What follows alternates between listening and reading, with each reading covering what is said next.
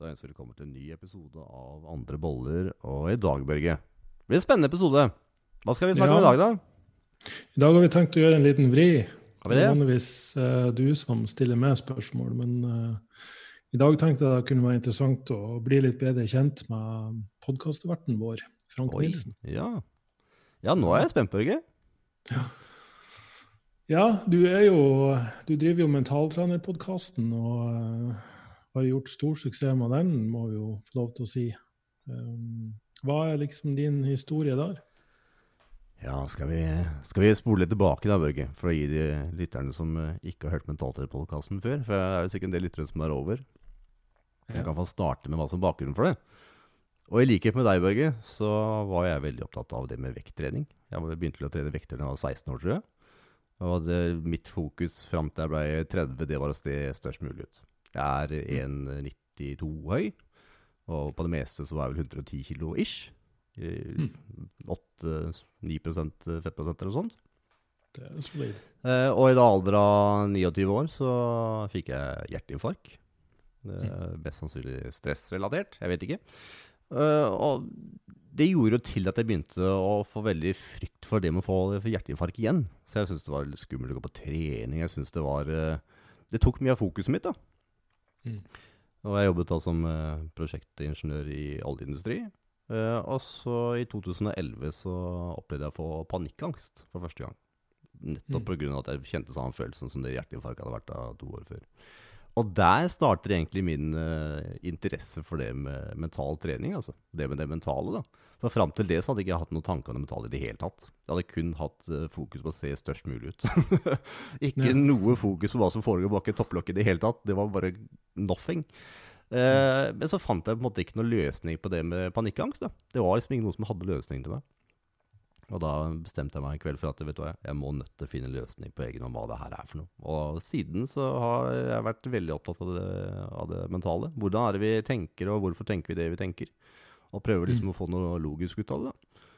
Eh, Og i 2016 så starta jeg da Mentaltrenerpodkasten etter å ha jobbet som mentaltrener noen år. For jeg tenker at det, det er begrenset hvor mange mennesker jeg klarer å hjelpe med å snakke én til én. Men eh, kan jeg på en måte dele de teknikkene med flere, da, så er det jo flere som også kan ha muligheten til å, til å lære noe av det. Også Samtidig så elsker jeg å prate med andre mennesker og intervjue sånn som deg, Børge. Der jeg på en måte Ja. får høre andres svar og løsninger på ting. da. Og det er jo utrolig lærerikt. Så det er bakgrunnen for det. Og Mentalterapeutpodkasten er jo nå var jo fire år i eh, juni. Jeg har jo flere også. Jeg har en som er Fremtidens muligheter, og andre boller sammen med deg, Børge. Når, når er, eh, vi har jo annenhver gang. Eh, og så har jeg Ekstrempodden, som der er ekstreme mennesker som er med, osv. Så, videre. så jeg lever jo ånder for det med, det med podkasten, nettopp det med å få høre på hvordan andre tenker. da og Mm. kunne formidle det videre. Besvarte jeg spørsmålet med veldig mye babling nå, eller? Det er uvant å være på andre sida av mikrofonen, må jeg innrømme. Eller rettere måte. mikrofonen på andre sida av hver den som blir spurt. Ja, nei, jeg syns det var veldig interessant å, å høre men din versjon eller din historie. Eh, For vi har jo alle en bakgrunn. Det er jo det er alltid en drivkraft, en motivasjon bak der. Det er jo mange som, um, ja, som bestemmer seg for at de skal gjøre noe, eller finner ut at nei, nå må jeg begynne å trene, nå må jeg gå ned i vekt, nå må jeg bytte jobb, nå må jeg finne ut av det her. Og så og så kommer de liksom ikke videre. De begynner å prokrastinere. Eller lærte faktisk et, et nytt uttrykk i går. Det okay. heter, ja, og ordet er akrasia. Ok? Akrasia vil si at du unngår å gjøre ting som du vet er bra for deg. Mm. så du Mm. prokrastinerer på å sette i gang med noe som du vet er bra for deg. Og det er vi utrolig flinke på. Og jeg, som jeg sa, jeg sa at jeg har ikke så mye timer lenger, men jeg hadde én time i dag. Nettopp fordi jeg bare syns det er koselig noen ganger å ha timer. Er, for det, Når man sitter og snakker podkast, er veldig hyggelig. Men jeg liker å oppleve at mennesker får det mestring. Du vet åssen det er, Børge. Når du får en person som har fått framgang, og så får du mestring, og så sier du de er i så godt humør'. Ja, og det er veldig ålreit å få den der feedbacken av og til. Så noen ganger så har jeg timer jeg føler at jeg har lyst til å ha, ha muligheten til det. Og det hadde jeg nemlig rett før jeg pratet med deg nå, for eh, et kvarter siden. Og det var en person som eh, akkurat var diskusjonen om akkurat det her. her. Det med å utsette Ja. ting. Han visste liksom hvor viktig var det for gjorte ting hans var, men det er det med å utsette det hele tiden. Og vi menn, da, vi er nå engang sånn at vi fra naturens side har jo litt eh, drawback kanskje i forhold til kvinner, med at vi fungerer best under press. Og det her vet du, Børge, det her har med dopamin å gjøre. Så vi menn vi presterer desidert best når vi er under press, nettopp fordi vi får mer dopamin når vi er under press. Eh, og vi snakket om det her, da, for han har liksom begynt å bli sånn at ok, hvis ikke han får noe til, eller hvis han ikke klarer å få en til tida, så blir han stressa, så blir ikke bare så veldig sånn Du tar fra deg selv muligheten til å få mestring nettopp fordi at du utsetter ting. Mm. Så du vet at det er bra for deg å gå på trening, men så utsetter du det, og så begynner du å bearbeide deg stedet isteden. Altså, klamre deg selv. Altså, Off, jeg får ikke deg til, og jeg skulle vært der i går. Og få kasta bort tida på det. Altså, vi, vi fratar oss selv muligheten til å føle den gode følelsen da, med å utsette ting. Og, uh, vi, vi, har litt å hente der, Børge. Jeg òg. ja, ja, ja. ja, samme her. Jeg har mine ting, jeg også. Og det er også noe som går igjen hos de som jeg jobber med. Så derfor er jeg var interessert i å høre hva, hva, hva, ditt synspunkt er. Det er Mitt synspunkt har liksom endt tilbake på at det, uh, det med å utsette ting Det første så gir det deg jo stress. Det gir deg jo stress med at du Du vet du skulle ha gjort noe, men så ligger det hele tida i bakhodet. Og så ja. har du egentlig du, vi, vi, mennesker vi er veldig sånn følelsesstyrt at det, Å, Åh, ja, men deilig å slappe av litt på sofaen. Det gir meg en god følelse. Mens den der tingen du gjerne skulle ha gjort, nei, det er en negativ følelse. Jeg vil ikke kjenne på den nå. Og så utsetter du egentlig all den negative følelsen, fordi vi bare vil kjenne på godfølelsen i nåtid. Mm. Det vi da ikke tenker over, at vi fratar jo egentlig oss selv muligheten til å kjenne mestring i fremtiden. I fremtiden. Med å kjenne på mm. godfølelsen her og nå. Ja. Men vi tenker jo ikke sånn på det. Vi tenker nei, jeg legger den til sida, så tenker jeg på noe annet. Skifter fokus. ja. Plasserer bare bok under bokhylla der borte. Slår være borti der. Jeg, jeg, så litt på en uh, film i går som heter 'First Man'. og Det ja. er jo det er med Ryan Gosling som um, der han uh, gir et portrett av Neil Armstrong. Ja. Den første månelandingsferden. Og liksom i det intervjuet for å, der de skulle sile ut hvem som skulle få være med på den der, um, uh, første månelandingsekspedisjonen, så, så, så spurte de han hva, hva mener du om Space Exploration. Og så var det ditt syn på mm. at vi skal utforske rommet. Han hadde jo en, en han hadde drevet med X-13, et sånt eksperimentelt fly som kunne fly opp og utafor atmosfæren. Eh, og sa at eh, det som slo ham, var liksom når han kom opp dit, så var liksom atmosfæren så fryktelig tynn. Det var bare som en tynt skall som lå utapå jordoverflata. Og, og, liksom at flyet da kunne sprette av atmosfæren, og liksom at du masse eh, masse strategier for å komme ned i atmosfæren trygt igjen. Er det kelperbelte, er det ikke det? Hva sa du? Er ikke det kelperbelte, eller hva det kalles? Ja, stemmer. Ja. Eh, mens nedenfra og opp så virka atmosfæren så enormt stor. Mm. Så da han, eh, han tenkte på romfartsekspedisjoner, eller da å utforske rommet, som en måte for oss mennesker å endre vårt perspektiv på. Mm. Det at du får reise ut og se der utenfra, gjør at du kan få et annet perspektiv på det, og dermed eh, få stor framgang, mm. stor progresjon. Og da slo meg litt det her er jo nettopp det vi trenger for å utvikle oss sjøl mm. mentalt. Vi trenger å se ting fra et annet perspektiv. Det er vel ofte det som uh, går igjen, i alle fall. Hvis jeg har med noen uh, klienter av noe slag. Så ofte Ja, men det her vet jeg fra før. Det her vet jeg fra før. Det har jeg hørt før. Ja. Det har jeg tenkt på før. Ja, selvfølgelig. Har, det er jo ingenting nytt. Vi kan få nye perspektiver på ting. Vi vet jo veldig mye av det vi trenger å gjøre. Jeg trenger ikke å si det, Børge, at du vet hva, du trenger å spise sunt, og så kommer du på trening, og så må du spise eh, godt, og så må du sove godt. Vi vet jo de tinga her. Det er bare at vi trenger noen ganger det der push i baken til å gjøre det. Og så mm. trenger vi å få noen som stiller oss spørsmål, så vi får det der perspektivet, som du sa. Ja. Få det der oversiktsbildet, da. Så at mm. hm, Ja, går jeg rundt og gjør det, egentlig? Ja, ja, ja hm, Det har jeg ikke tenkt på før. Vi trenger mm. de der aha-opplevelsene. Og ja. det er det jeg håper at jeg på en måte kommer igjennom med, iallfall mentalt i denne podkasten, eller snakker med deg eller stiller spørsmål til andre mennesker. Så jeg stiller spørsmål til deg, Børge, så håper jeg det er spørsmål som også den som lytter, også begynner å tenke på. Mm. Det, det, vi ønsker å oppnå med spørsmål, er jo å få deg til å begynne å tenke. Ja. Og det føler jeg på mange måter blir sånn Vet ikke om du husker åssen det var fra da du var mindre, Børge. Blir sånn at eh, Jeg har en sønn nå som nå er uh, snart seks år. Og uansett hva det er, så spør han hvorfor. Og når jeg har ja. forklart hvorfor, så kommer hvorfor på nytt. Og det er hvorfor helt litt i minste detalj. Og som voksen så blir det mm. åh, kan du ikke bare høre hva jeg sier? ja, ja. Men det er jo viktig å vedlikeholde den hvorfor-tanken uh, hvorfor de har. Men jeg tror mm. på et eller annet tidspunkt så blir vi sånn fralært å ha den hvorfor-tanken, tror jeg. Ja. Det virker sånn. Ja, og, det, og det- du har folk som har eh, både sunne og fine ambisjoner og målsetninger. Men eh, f.eks. ja, jeg vil føle meg lykkelig, eller jeg vil uh, tjene en million kroner, eller jeg vil uh, gå ned 20 kilo. Det lykkelige er du, Frank Børge. Unnskyld at jeg avbryter deg. Den har jeg liksom utfordringer med når jeg hører det der med lykkelig. Det er sånt som ofte går igjen. Og jeg vil gjerne bare føle som å være lykkelig. Ja, og da er nettopp det her du sier med oss til hvorfor, Ja. og hvorfor, Ja. og, og kanskje også hvordan. Mm. Eh, For jo dypere du graver, og hva, ja, ikke minst hva. Hva må til for at du skal føle deg lykkelig, f.eks.? Og, og det kan f.eks. være at um, ja, jeg vil uh, ha det gøy, jeg vil være sammen med folk som jeg trives med. Um, jeg vil ha en følelse av ro, Mm. og så vil jeg ha en følelse av frihet. Og når alt er på plass, så føler jeg lykke. Mm. Men da må du òg gjøre spesifikke og konkrete og kanskje målbare ting som, som gir deg hva, hva, hva må du gjøre i dag for å ha det gøy? Hva må du gjøre i dag for å kunne være sammen med folk du trives og sammen med? Hva, hva gir det en følelse av ro? Hvordan kan du oppnå en følelse av ro? Hvordan kan du oppnå en følelse av frihet? Eh, hvis jobben gir deg uro, f.eks., så er det jo ganske viktig å løse akkurat da, før du kan føle på følelsen av lykke. Men det omhandler ofte perspektivet til den jobben og det problemstillinga som er på jobb òg, Børge. Du kan jo ofte ha en person som syns det er en kjempekonflikt på arbeidsplass. Trives ikke det Nettopp, da må du begynne å gå inn og løse den konflikten for at du, du må, det, det er ikke dermed sagt at da skal man slutte i jobben.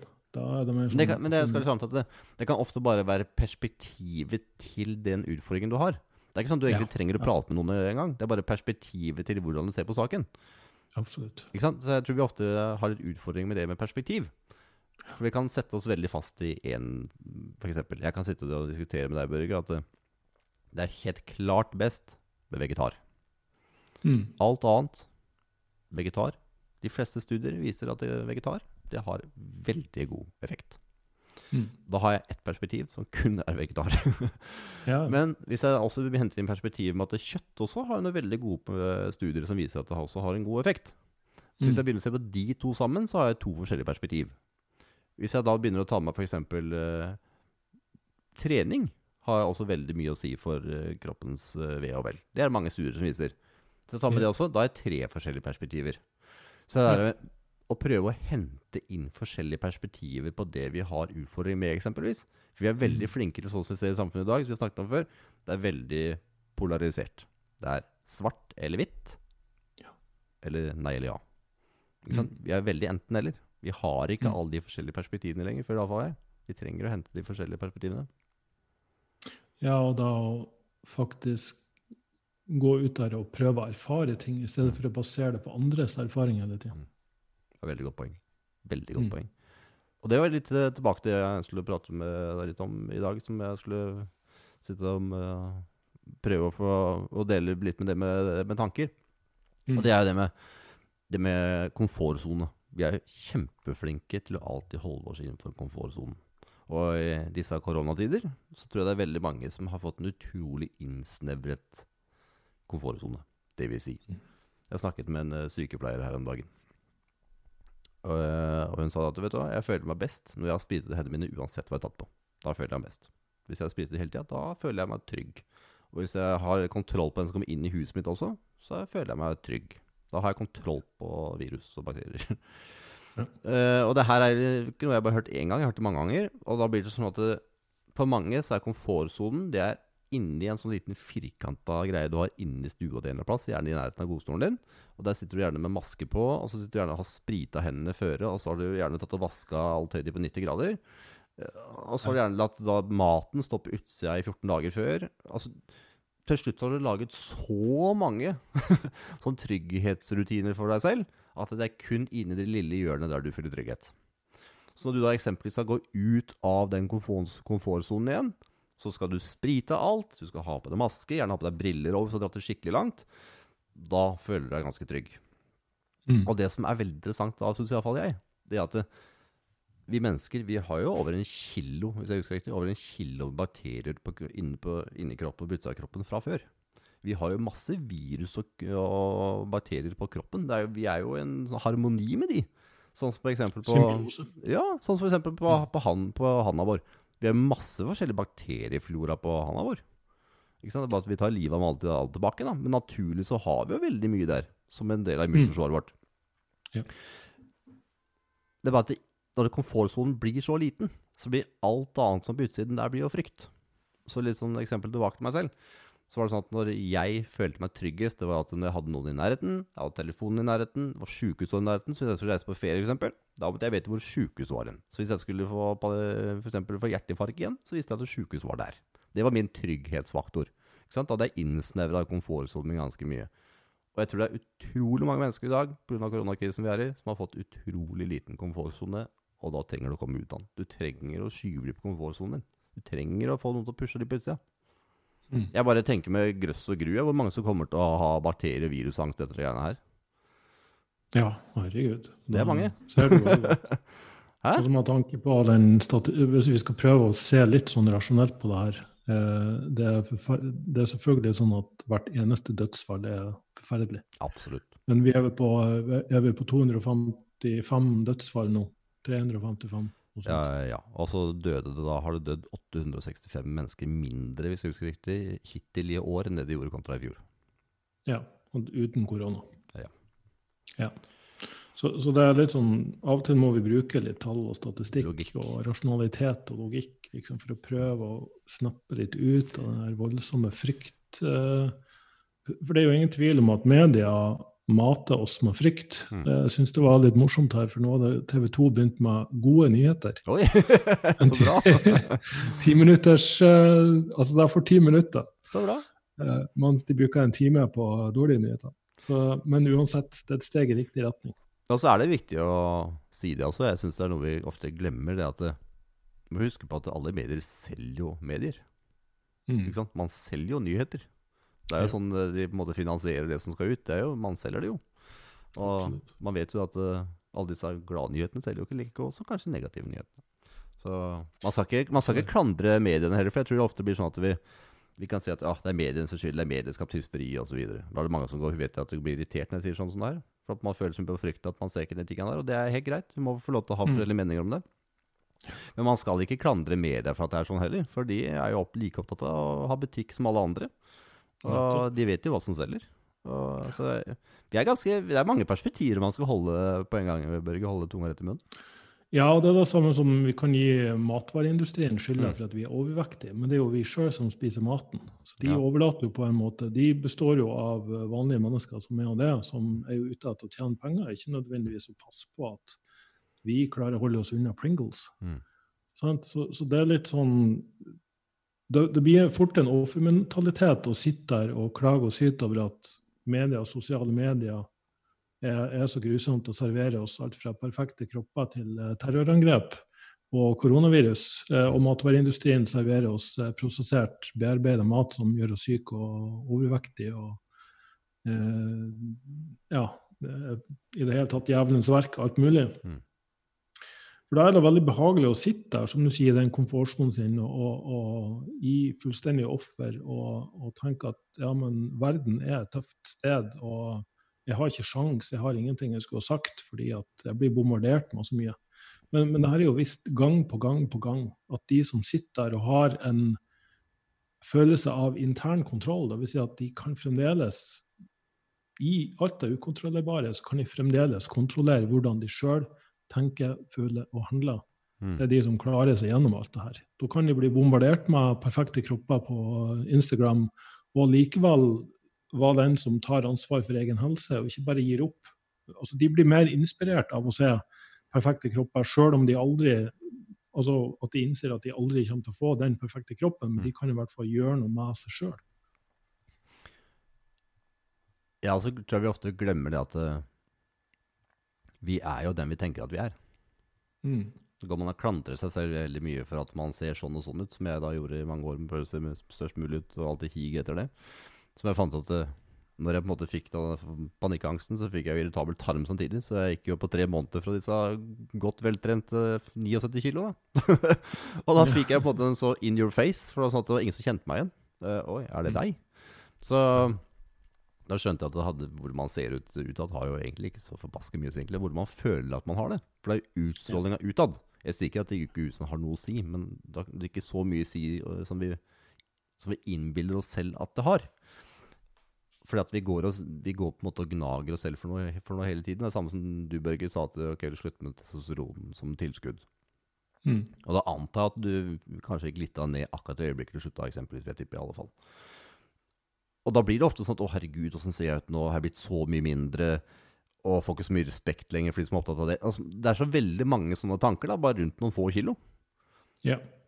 Men utstrålinga det er jo minst like bra fortsatt. Så det, altså, vi lager så mye, veldig mye rart oppi vårt eget hode. Det syns jeg er spennende. ja, det er vel en grunn til at vi driver med det vi gjør, eh, Frank. Ja, Det er jo det. Det, det er vel motivasjon, både fordi vi ser mye av det her i oss sjøl. Mm. Ja, vi er work in progress. Alltid. Vi er alltid Ja, vi er alle work in progress. Og jeg tror den innstillinga er den som er best å, å, å holde fast i. Ja, for det, det er ting som var viktig for meg. Jeg leste den boka som er av Carol Dweck som heter Growth Mindset, og den lærte meg veldig mye. For at vi er ofte veldig satt i et fast tankesett. Det er f.eks. at eh, jeg kan klare å få til eh, Ta et eksempel. da At jeg kan klare å få til 100 kg benkpress. da. Det er liksom min, maks, eh, min maksvekt, og jeg klarer ikke å få til noe mer enn det. Eller så kan man begynne å tenke sånn så at ok, Kanskje jeg kan klare å legge på 2,5 kilo til det. Kanskje jeg klarer 102,5 kilo. Og så sier man seg at du har kjempebra jobba i dag. I dag klarte jeg å legge på 2,5 kilo til. Altså man begynner å legge til et sted at vet du hva, bra jobba i dag, bra innsats. Vi er ikke så veldig flinke til å se på at vi liksom skal prøve å vokse og prøve å, å gro. Sånn som eksempel de hadde en eh, studie i den boken som gikk ut på barn. da. Der som eh, man sa til barnet at du har kjempebra jobba i dag. De sa ikke at du var flink, de sa at kjempebra jobba i dag. Sånn at barna lærte seg til at vet du hva, jobb, det er positivt. Innsats, Innsats. er positivt. Det er ikke at du er flink for noe at du har gjort noe, gjort noe men du har gjort en bra innsats i dag. Og det lærte meg så mye. altså, å se Det der med at vet du hva, det handler jo faktisk om innsatsen jeg klarte å få til i dag. Det handler om det jeg klarer å få til her med en innsats. Og at det her er en jobb. Så når barna mine gjør noe bra, så sier jeg at vet du hva, kjempebra jobba i dag. Superbra innsats. For at det, det er viktig å lære seg at det, alt ligger jo inne. Det her vet jo du, Børge. Du har trent i mange mange år. Det ligger jo i innsatsen over alle årene. Det er ikke bare den ene gangen du har gått på treningsstudio. Det er jo alle årene til sammen. Summen av eh, Det er jo det. mm. Og så at du må, du må innarbeide det her som en vane, noe Mm. som blir automatikk i. Og det er jo sånn, Vi kan jo si at vaner er jo ting du vil begynne med eller slutte med, eller ting du vil gjøre mer eller mindre av. Eh, Så, så er det jo liksom å tilrettelegge for at du faktisk tar det første steget, men i bunn og grunn nettopp fordi vi kanskje har en begrensa motivasjon, viljestyrke å gå på, så, så må vi liksom bryte ned i mindre steg, som er sånn første steg du, du kan ta. da. Ja, Samtidig så vil vi alltid finne forklaring til oss selv hvorfor vi velger akkurat det valget. Ja. Vi mennesker er veldig eh, finurlige sånn, syns jeg. For jeg kan sitte og tenke én ting om Børge. At hvorfor gjør han en sånn type valg? Det valget ville jo aldri jeg tatt. Og han ville jo sitte på andre sida og mest sannsynlig tenkt akkurat det samme om meg. Men det som er så veldig finurlig, at vi begge har jo forsvart hvorfor vi har alltid valget over vårt eget hode. Ja, ja, ja. Og, så vi, og sånn gjør vi alle sammen. Så uansett om det er et dårlig valg eller godt valg, eller hva vi har valgt, så har vi jo forsvart for oss selv hvorfor vi har tatt det valget. Mm. Og det er det som er utfordringen med å sette nye rutiner her, Børge. For vi vil alltid finne på en måte noen gode forklaringer hvorfor ikke vi satte nye, nye gode rutiner vi hadde tenkt. Ja. ja, ja. Men hva, hva ville du ha sagt til en hva, hva, hva gjør du da for en kunde som kommer til deg og sier at du, enten det her er trening, eller det er bedre matvaner, eller det er å slutte å spise godteri, eller eh, å sette i gang Godt med, på godteri. Sagt lesing helt, til eksamen. helt umulig, jeg har sagt. Ja. sånn, sånn er det bare. Det er bare å akseptere det. Nå, nå, I dag skal vi jobbe med aksept. Ja, Friløs Børge, unnskyld avbryt. Ja.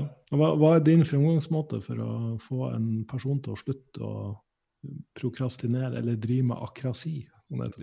ja. For det første så tror jeg ikke at det er noe ett eh, svar som eh, er godt nok for alle, som er for alle. Jeg tror uh, ut fra de årene jeg har holdt på med nå, så virker det som at det liksom alle har sin eh, måte å løse det på. Mm. Så noen kunne kanskje sagt at uh, sette opp en for- og imot-liste. For noen kunne ville det funka, for andre tror det ikke funka i det hele tatt. Eh, eller jeg ville kanskje sagt uh, ja, men hva er grunnen til at du gjør det? hvorfor skal du slutte å spise godteri? Eller hvorfor skal du gå på trening? Eller hvorfor skal du måtte studere mer? Hva er poenget?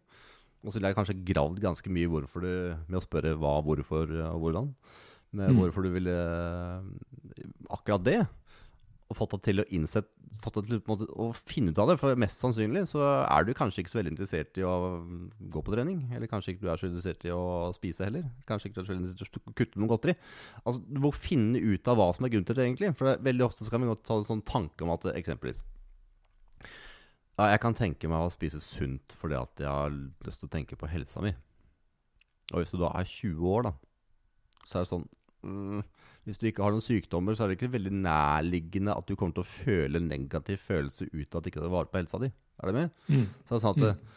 vi kan ofte innbille oss ting som ikke vi klarer å føle på akkurat der og da. Hvis vi tar koronakrisen som et eksempel. da. Hvis det er noe jeg kunne gjort Hvis jeg hadde følt veldig mye på frykten av korona, og jeg kunne gjort den følelsen, gjort noe en handling nå som den ville slutta, eksempelvis, så ville mange mest sannsynlig gjort det for å bare få slutt på det. Ja. Så er det sånn at eh, vi er veldig flinke til å gjøre en handling hvis vi føler på det. Har vi grisevondt i ryggen, jeg klarer nesten ikke å komme ut av senga, og du har et hekseskudd at du ikke skal gjøre det engang, så kommer det til denne fysioterapeuten eller kiropraktoren hva du måtte ønske å bruke, for at det skal gå bort. Men det er at vi er ikke sånn, vi mennesker. At hvis, ikke, hvis det er langt borte. Så derfor kan det der med Ja, jeg ønsker å trene eller spise bedre for at det gir meg bedre helse. Så tror jeg det er en veldig vanskelig motivasjonsfaktor over tid. For du kan tenke at det er lurt, men så er og, og, kanskje ikke Det pressa ikke så mye på. Om jeg hoppa over den dagen her på trening eller spiste måltid, jeg hadde jo ikke så mye å si. så i the- long run, vi må prøve å finne ting som er viktige for oss, og samtidig gir den derre I mitt tilfelle så er det sånn at jeg tenker at det er perfekt anledning for mental trening. Hvis ting er tungt, jeg synes det er slitsomt, jeg har, har ikke lyst, eller eh, jeg for går en topptur og nå begynner det å bli grisetungt og det er varmt, så kan jeg jo, som alle andre, ha disse tankene om at åh, hvorfor gjorde jeg det her i dag? Nå er jeg sliten, jeg har dårlig form, det er varmt, jeg har ikke spist ordentlig før, jeg sov dårlig i natt. Altså, alle de her negative mølet, det begynner å male hos meg også. Så prøver jeg isteden. Ok, perfekt anledning for mentaltrening. Jeg, jeg er snart oppe. Perfekt anledning for mentaltrening. Jeg er snart oppe. Et skritt av gangen. Ok, jeg går til tre der. Så jeg begynner å lage sånne strategier på hvordan jeg på en måte skal komme meg framover isteden. Istedenfor å gå rundt og male på det negative jaget. Så derfor som jeg prøver å si at eh, jeg har ikke noe sånn ett konkret svar på hvordan du på en måte skal begynne å trene, spise eller studere bedre. For at det kommer helt an på hva du tenker. Mm. Er du enig? Ja, veldig enig. Så, Det, det, og det der med å, å få en sånn spørsmålsrekke med, med hvorfor, Mm. for å grave under. Mm. Ok, men hvorfor eller verste som skal skje, da. Ja, Hvis det er andre. Ja, eksempel hvis du, du kan også gjøre det fryktbasert. Mm. Hva, hva vil skje hvis du ikke tar vare på helsa di, f.eks.? Av og til så må man ty til Mm. litt sånn Ja, det er- Ja, men det er sånn, det òg. Det, det, er det det der med verste kan skje, jeg syns er veldig fine. Vi nærmer oss vel utpå tida, så tenker jeg i hvert fall fint å ta litt inn om det òg. Det er sånn, Mm. Vi mennesker vi frykter mye, og min eldste sønn han er veldig redd for å dette slå seg på sykkel etter at han datt litt ordentlig og slo seg på sykkel. Så er det sånn at han har fått skikkelig frykt for det med å ha vondt. Og en får en femåring til å forstå det at det med å falle og slå seg, det, og, det, og det går over, det er litt utfordrende å få til. Så, Men jeg liker veldig godt når hva er det verste som kan skje. Ja, han faller. Ja, ok. Ja, det verste som kan skje om du faller, da han får vondt. Ja, hva er det verste som kan skje hvis du får vondt, da? Ja, er for vondt. Ja, det verste som kan skje? Blir det værende der for alltid? Nei, jeg gjør ikke det. Ja, går det over? Ja, jeg gjør jo det. Ja, gror såret igjen? Ja, ja, det gror jo igjen. Ja, så hva er det verste som kan skje? Ja, såret gror igjen. Det går over. Ja. Ikke sant? Så da, da har man liksom fjernet den frykten for at man blir sittende fast med at det, fader, det gjør vondt, og kommer aldri til å gå over igjen. Men det går jo over igjen. Ja, det gjør Ikke sant? Så det, er, det verste som kan skje, så er kjempefint. Jeg har brukt mye. Uansett Ja, ja, hvilken alder, så er det det verste som kan skje. Og så, så vil du som regel si at det verste som kan skje, er jo egentlig ikke den store bagatellen, egentlig. Men vi lager til noen store greier. Og så tror jeg veldig mange bare går og lar det her kverne opp i hodet sitt. Um, jeg har jo sett hvor ofte det kan hjelpe å nummer én begynne å stille de spørsmålene, som du sier, både i positivt og negativt fortegn. Hva er det beste, og hva er det verste som kan skje, eller hvorfor, eh, hvordan. Mm. Uh, men faktisk et eller annet skjer når folk begynner å skrive det her ned, Ja, uh, eller si det høyt. Mm. Eh, så da å kunne ha noen å snakke med, en mentaltrener eller en coach, der du kan få vokalisere, altså si høyt hva som egentlig plager deg, gjør Mm. vet ikke hvor mange ganger bare da å sitte og stille spørsmål til folk har gjort at, at de løser problemet sjøl. Ja, det gjør det. Men når du har alle de tankene i, i hodet som, ja, ja. Og, og når du har de tankene som kverner i hodet, at du faktisk skriver det her ned og begynner å systematisere det, Mm. Da, da er det mye som kan eh, løsne. Men da tror jeg vi kommer tilbake til det der ordet som du brukte i stad, Børge. For at jeg tror det er veldig mange så utsetter vi den tida det tar å sette og skrive ned på et ark, vi skjønner ikke helt poenget. Mm.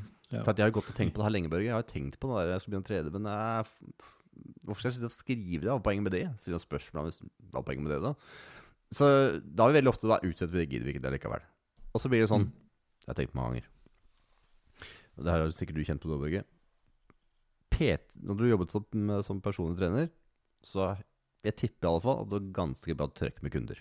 Når det gjelder det fysiske, da er vi ganske gode til å investere penger i det fysiske. Men når det kommer til mentale, da blir det sånn Nei, hvorfor skal jeg bruke penger på det? For Mm. jeg er sånn som jeg er, og sånn har jeg alltid vært likevel. Ja. Eh, for, det ønsker, er. for det ønsker vi ikke å bruke så mye, veldig mye penger på. Men vi kan gjerne bruke 50 000 kroner på en personlig trener på, på treningssenter. Og jeg, nå snakker jeg ikke noe negativt om dere personlige trenere, for på ingen måte. Nei, Det er bare, jeg- jeg jeg prøver bare å sette i perspektiv det med at vi er veldig opptatt av at vi skal få det fysiske, men så tenker vi ikke på at vi har lyst til å bruke noe penger på det mentale. For jeg er sånn Mm. som jeg er likevel. Det, synes Ja, jeg er og da, og da kan man jo bare begynne å spørre folk om ok, men hvor mange ting har du Det er mange podkastverter vet jeg, som pleier å spørre folk eh, hva slags store ting har du forandra mening om det siste året? Ja, godt spørsmål. Mm. Og med den satte du jo i gang en prosess der du innser at OK, jeg er jo ikke definert av mine meninger eller, eh, eller gjerninger. Mm. Ja, eller vi en kan liten forandres. ting òg, ikke minst. Hva? Ja, eller hvilken liten ting har du endra det siste år? For så lenge så har vi ikke endra liten Hvilken ting heller. Ja, Ja, absolutt. vi endrer jo egentlig ikke en dritt. vi trives best med å ha det sånn som vi har det. Ja, Men vi gjør jo det. men ja, ikke, ikke hvilken stor ting har du endra, men Mm. hva har du forandra mening om? Det Mm. er jo mye man kan ha forandra mening om i, i løpet av et år. Og, og hvis at de små og, og eh, mindre store tingene kan, kan du forandre mening om, så er det jo egentlig ikke noe Altså Det handler jo ikke om kvantitativt eller kvalitativt. Ja. Altså Det skal jo også da være mulig å forandre mening om noe stort. Ja, altså igjen er hva stort og smått er perspektivet som ser på det. da. Så det som kan være lite nettopp. for meg, kan være kjempestort for deg omvendt. Riktig. Mm. Eh, og det jeg syns er viktig med å dele akkurat det jeg sa der nå, er det med kommunikasjon med andre mennesker å gjøre. For at vi havner veldig ofte i konflikt fordi at vi tenker at det jeg tenker, er det Børge tenker. Ja. Eh, og Børge, du må jo skjønne hva jeg sier til deg. For jeg sier til deg det, du, det jeg tenker, det skjønner jo du. Ja. Ikke sant? Så ofte når det, det som kan være en kjempestor sak for meg, er jo ofte eh, tenker jeg at det er en stor sak for deg òg, men for deg skal det være en liten filleting. Og der er det mange krangler, sånn, særlig i parforhold osv. Altså. Der den ene kan tenke at vet du hva, vi fikk ikke tatt og støvsuga der i dag, men og det er en kjempestor sak. Mens den andre bare åh, ah, det spiller jo ingen rolle. Mm. ikke sant? Så det er viktig å huske på at det, hvordan vi ser på ting, er veldig forskjellig for hver enkelt. Ja, da å respektere og akseptere andre perspektiver. Mm. Og der er vi jo igjen, igjen inne på det her med at hvis du i stedet for å sitte der og tenke at ditt perspektiv er alltid det riktige, Mm. eh, vær villig til å, å ta et annet perspektiv Mm. for å kunne ekspandere din egen forståelse.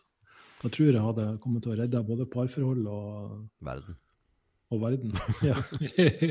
Ja, så er vi veldig flinke til at vi skal vinne en diskusjon. Der Ja. altså er vi gode. Vi kan jo ikke tape diskusjonen. Vi har glemt hvorfor vi egentlig diskuterte, men det handler egentlig om å vinne og tape. Ja, det blir jo sånn.